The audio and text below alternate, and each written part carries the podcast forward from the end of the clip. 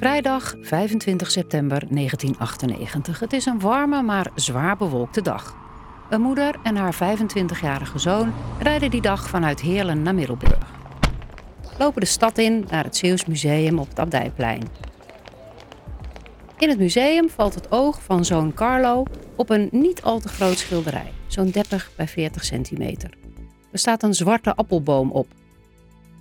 De achtergrond is donkerblauw van kleur.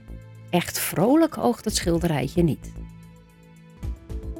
De volgende morgen, zaterdag 26 september. De museummedewerker die zijn dagelijkse inspectierondje doet, schrikt zich kapot. Een lege lijst hangt aan de muur. De boom van Mondriaan is weg. Dit is het vierde en laatste deel van de Omroep Zeeland podcastserie De Verdwenen Mondriaan. Gemaakt door Nadia Berkelder, Mercy Kamermans, Mark van Leijden en Veronique Roeg. We pluizen de maanden na de roof uit samen met politieman Frans Bos, die het onderzoek destijds leidde. Zijn werk zit erop.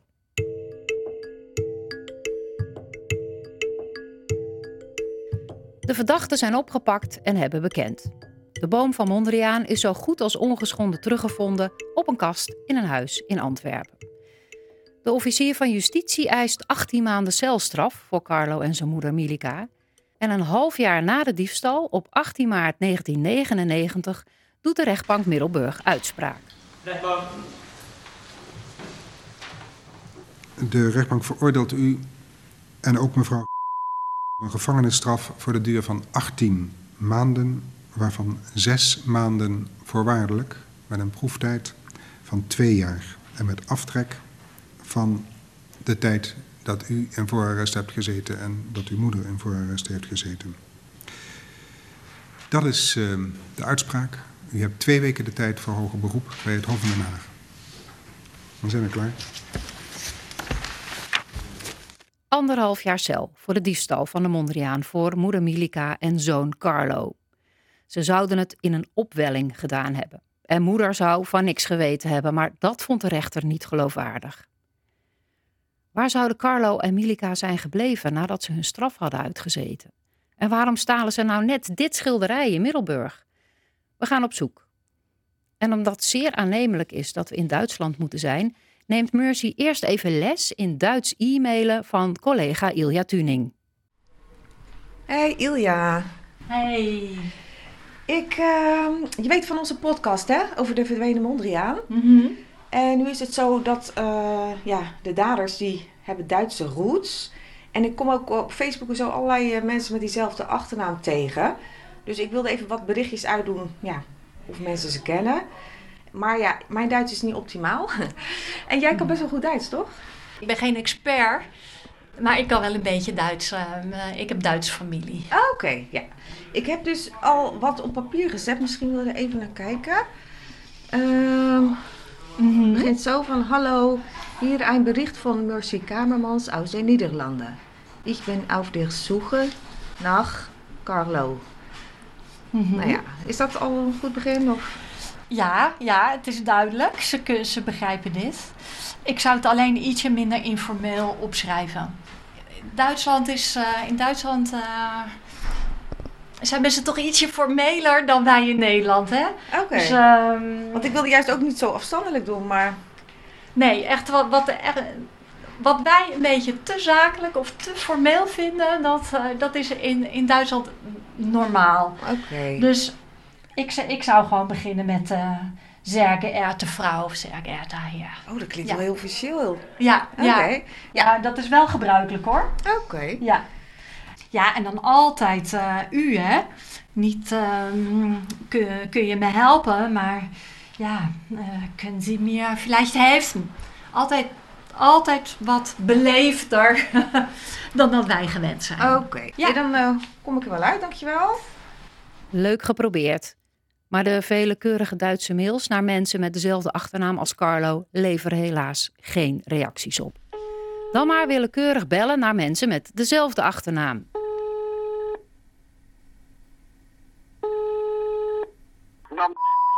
Ja, hallo. U spreekt met eh Mercy Kamermans van de Omroep Zeeland. Spreek ik met mevrouw... Ja, Ik eh, had een vraagje. Bent u toevallig familie van Carlo? Carlo, Ja. nee, eh, het is natuurlijk mijn af, de afkomst van mijn man is, eh, zijn vader, die kwam uit Beieren, Oké. Duitsland. Mijn Ja. man is overleden en eh, de naam Carlo zegt me eerlijk gezegd helemaal niks. Nee. De hele grote familie, die zitten allemaal nog in Beieren. Ik kan je niet helpen, maar ja, ja op het, e- misschien dat het toch een keertje lukt hoor. Hello? Spreek ik met meneer... Uh, no, this is actually uh, bed and breakfast. Oh, oké. En is, is Miss or Mr. daar? Uh, no, it's not here uh, at the moment. Oké, oké. This is uh, the reception. Can I help you? Or- I was looking for uh, Carlo. No, I I know Erwin. Erden. Er- Erwin. Erwin, Erwin. Oké. Yes. Ja, ja, oké. No Carlo. No. No. No Carlo, inderdaad. We krijgen het idee dat de familie van de aardbodem verdwenen is. En met een tamelijk vaak voorkomende achternaam is het zoeken naar een speld in een hooiberg. We geven het op.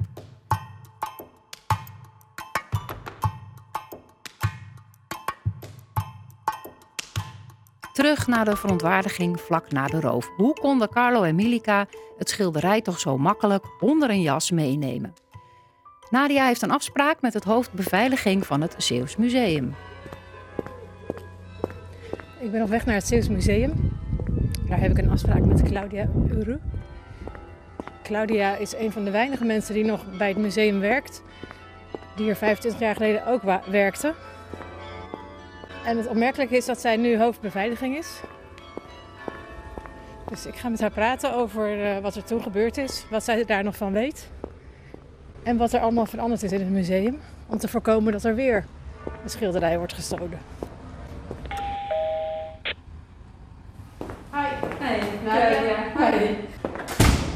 Claudia Oru, we staan voor de boom van Mondriaan. Jij werkte hier 25 jaar geleden ook al. Kan jij je überhaupt nog iets herinneren van hoe dat toen ging met de diefstal van het schilderij? Ja, ik kan me de, vooral één moment heel goed herinneren, is dat er telefoon ging.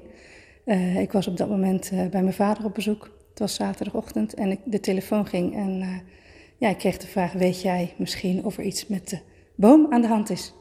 Bijvoorbeeld of die bij een restaurator zou zijn of iets dergelijks. Mijn collega, co- collega kon zijn ogen niet geloven, hij was dus weg. En eh, dat was het telefoontje wat ik kreeg en dat, eh, ja, dat vergeet je natuurlijk niet meer. En wat dacht jij toen? Ja, eh, heel snel gaat het door je hoofd wat er allemaal aan de hand kan zijn. Maar eigenlijk was er natuurlijk maar één ding mogelijk. Hij was weg. En hoe gaat het dan verder? Want jij was bij je vader op bezoek. Ben je meteen hierheen gekomen? Nou, ik was in Delft, dus dat ging niet zo heel snel. Maar ik bel de directeur op en de conservator. En die hebben het hier toen ter plekke eh, afgehandeld. En de politie hebben we natuurlijk gelijk gewaarschuwd. Eh, dat was eigenlijk de eerste stap. En ik kon ook niet zo heel veel doen vanaf daar. De boom was weg en jullie hebben de politie gebeld en die zijn een onderzoek gestart. Zijn jullie daarbij betrokken als museum? Of eh, hoe, ging dat? Weet je daar nog iets van? Ja, het is heel lang geleden natuurlijk. En het is eigenlijk verrassend hoe, hoe weinig, maar, zeg maar, van die periode daarna, hoe weinig ik me daarvan herinner. Ik weet dat de reche- recherche bij ons op kantoor zat. En dat er heel veel eh, mensen zijn bekeken. Volgens mij waren er ook camerabeelden. Eh, en dat er eigenlijk allerlei getuigenissen waren van de collega's, van mensen uit het museum. eh, waar dan heel lang naar gezocht werd en die dan soms niet klopten. Maar wij hadden als museum ja, niet zo'n hele grote rol. En, en hoe groot was toen de paniek? Want de, de- boom van Mondriaan is, eh, het is een klein schilderij. Het is een beetje, het valt niet heel erg op, maar het is wel belangrijk, denk ik, voor het Zeeuws Museum. Zeker weten. En tegelijkertijd bleef onze directeur heel rustig. Geen paniek. Nee, ik kan me ook absoluut niks van pa- paniek herinneren. Volgens mij zei ze ook letterlijk iets van: er zijn geen doden gevallen. Ik begrijp dat jullie eigenlijk niet op de hoogte zijn gehouden van het politieonderzoek tussendoor, of wel? Nee, volgens mij niet. Misschien de directeur wel, maar dat weet ik niet. Maar ik zelf in ieder geval eh, wist dat niet. En opeens, ja, was hij er dan weer. Hè? Dus dat was eh, niet helemaal eh, open, zeg maar, voor ons. Nee. Ik hoorde het via de directeur en dat hij weer terugkwam. En dat was natuurlijk, eh, ja, toen was de opwinding wel heel groot. En we waren natuurlijk vooral ook heel erg benieuwd, omdat we heel bang waren dat hij ontzettend beschadigd was. Dat was eigenlijk vooral toen heel spannend. Dat bleek niet zo te zijn? Nee, dat viel reuze mee. Hij is wel naar de restaurator gegaan. eh, kleine reparatie gedaan, en maar het viel reuze mee. Dat was eigenlijk heel bijzonder dat het niet zo beschadigd is, gezien wat er allemaal gebeurd is. En is het schilderij nou in zijn eh, lijst meegenomen of is hij losgemaakt? Weet je daar iets van? Ja, ik weet het wel. Ik weet ook dat het tijdens het onderzoek mocht nog niet over gepraat worden. Maar eh, hij is dus uit de lijst gehaald. Dat blijft toch een interessant gegeven uit het hele verhaal rondom de diefstal. De mythe wil dat de boom met lijst en al onder een jas verstopt gestolen is. En dat op de plek van het schilderij alleen nog maar een spijker hing. Tijdens de rechtszaak werd pas openbaar dat Carlo en Milica de lijst hebben laten hangen. Dat verklaart ook dat ze het schilderij zelf makkelijk onder een jas konden verstoppen en ongezien het museum konden verlaten. Terug naar Nadia. Toen hing die weer eh, terug en volgens mij al meteen nadat het schilderij verdween en ook toen hij weer terug was, is er best wel veel kritiek geweest op de bev- beveiliging van het eh, eh, museum. Heb je daar iets van meegekregen? Want jij was toen ook al volgens mij verantwoordelijk voor de beveiliging. Klopt, ja, dat was net aan mijn takenpakket toegevoegd. Dus het was eh, niet een hele fijne timing. Ehm, ja, er was zeker heel veel kritiek op. Er werd ook, eh, juist omdat er eh, niet verteld was dat het schilderij niet meegenomen was, want dat was voor het onderzoek belangrijk, werd er ook altijd geroepen, toen ging aan een spijkertje, meen ik me te herinneren, Ja. zulke dingen, Ja. dat het dus heel makkelijk meegenomen kon worden. Nou, de hele lijst was dus niet meegenomen, dus dat was niet aan de orde. Nee. Dus eigenlijk al die ophef die daarover was, Het hing niet aan een spijkertje. Dat ook niet. Nee, het hing wel op een, ja, wat je nu zou zeggen, nou, redelijk primitief beveiligde manier. hè? Maar eh, ja, niet aan een spijkertje. Ze konden het niet zo eraf pakken. Dat was in ieder geval niet zo. Maar ook dat konden we natuurlijk niet bestrijden, omdat het eh, voor het onderzoek belangrijk was. Want dat is inderdaad tot op de dag van, verhaal, van vandaag eigenlijk het verhaal. Van die dieven die, na- die konden het zo van de muur ne- meenemen. Maar dat is dus niet zo. Ze hebben er iets moeten doen eh, om het mee te nemen. Klopt, ze hebben het, ja, de spijkertjes losgemaakt en het schilderij uit de lijst gehaald. Oh ja. Is dat frustrerend als je daar niks over mag zeggen en je krijgt zoveel kritiek eh, over je heen? Ja, dat was wel moeilijk. Ja, en ook eh, ja, die manier waarop het beveiligd was toen de tijd, was ook eigenlijk gewoon heel gangbaar toen. Nu zou je dat niet meer zo doen en dat doen we ook helemaal niet meer zo gelukkig. Maar ehm, ja, toen was dat eigenlijk gewoon normaal, geaccepteerd door de verzekeraar. En eh, wij, wij weken daar niet in af. Nee. Dus dat was best wel zuur, dat er Ja. zoveel kritiek op kwam. Wat was er dan anders toen dan nu in, grote lijnen? Nou ja, na, nadat het eh, schilderij weer terug was, en dat hing daar niet alleen mee samen hoor, maar daarna is gewoon, ja, de hele museumbeveiliging is eigenlijk best sowieso veranderd, hoe we, hoe we daarnaar kijken met elkaar in, eh, in de wereld. En dus er zijn elektronische maatregelen gekomen, eh, andere manier van ophangen, dus daar is ook gewoon heel veel veranderd. Meer camera-toezicht, ja, eigenlijk is dat eh, ja, in ons museum, maar ook in alle andere musea, is dat nu gewoon anders. En wat er toen gebeurde, zou dat nu nog kunnen gebeuren, denk je? Ehm, ja, ik denk dat het misschien per werk scheelt. Eh, ik begrijp dat ook wel werken uit lijsten gesneden worden en dergelijke. Ja, dieven zijn natuurlijk eh, ja, gewoon eh, inventief. Dus ja, ik zal niet zeggen dat dat nooit meer kan gebeuren. Nee. Het gebeurt ook dagelijks natuurlijk in de wereld. Dus dat voorkomen doe je het niet helemaal. Dat kan niet. Claudia Oeroe, die net de beveiliging van het Zeeuws Museum onder haar hoede had gekregen toen de Mondriaan werd gestolen. Volgens haar voldeed de beveiliging aan de eisen van die tijd. En ging het stelen van het schilderij helemaal niet zo eenvoudig. Maar goed, de boom van Mondriaan, die op 25 september 1998 werd gestolen en twee maanden later in Antwerpen werd teruggevonden, is na een kleine opknapbeurt weer teruggehangen in het Zeeuws Museum. En daar hangt hij nog altijd. Voor deze podcastserie gebruikten we de herinneringen en het dossier van Frans Bos, leider van het politieonderzoek. Frans heeft de boom nooit meer teruggezien. Nadia en Mercy nemen hem mee. We zijn eh, voor de deur van het Zeeuws Museum met Frans, Frans Bos. Ben je hier nog wel eens geweest, Frans? Eh, Ja, we zijn zeker wel eh, een aantal keer in het museum geweest. Maar de boom heb ik nooit gezien. Hij hangt er nog steeds hoor. Ja, want dan heb ik waarschijnlijk al overheen gekeken. Ik heb hem niet kunnen vinden. Het is ook niet zo'n heel aantrekkelijk schilderijtje hoor, maar dat gaan we nu zo- eh, zien. En het is ook niet zo groot. Nee. Maar We gaan kijken. Ja, ben benieuwd.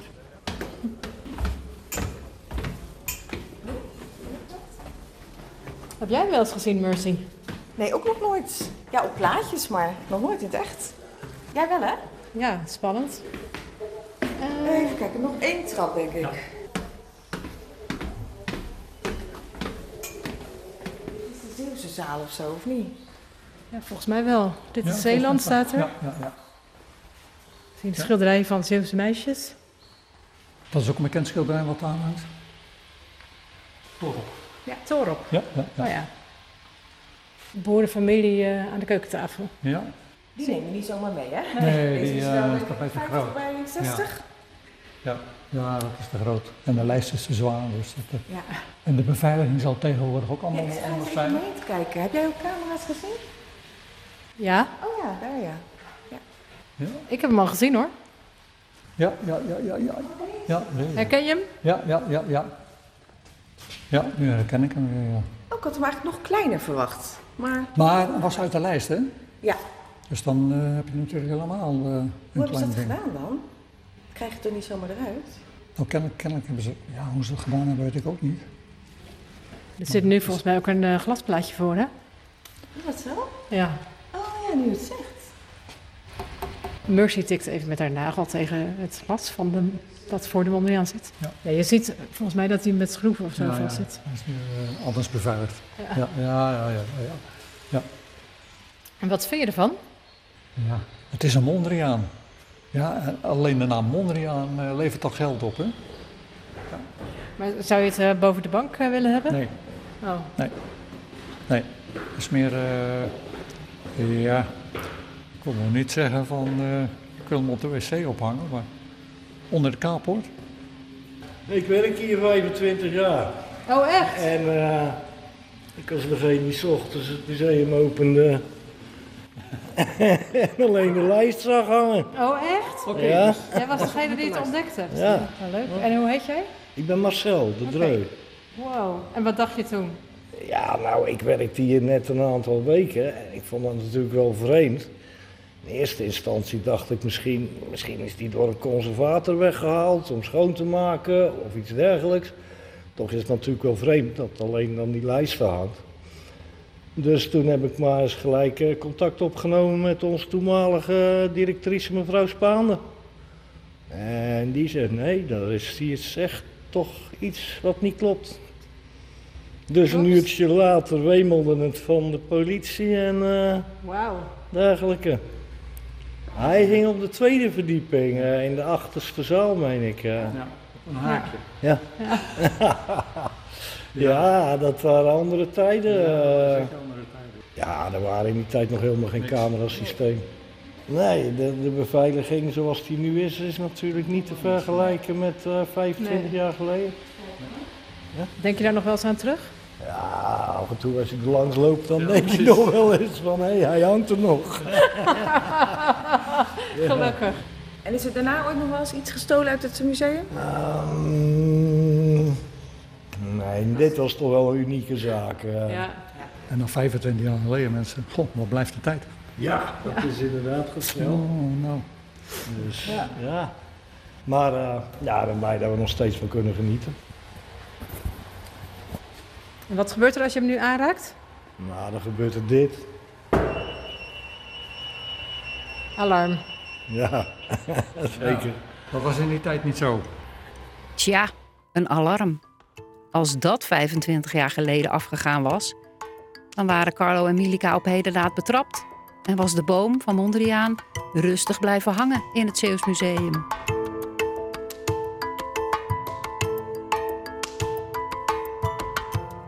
Je luisterde naar de vierdelige Omroep Zeeland podcast De Verdwenen Mondriaan.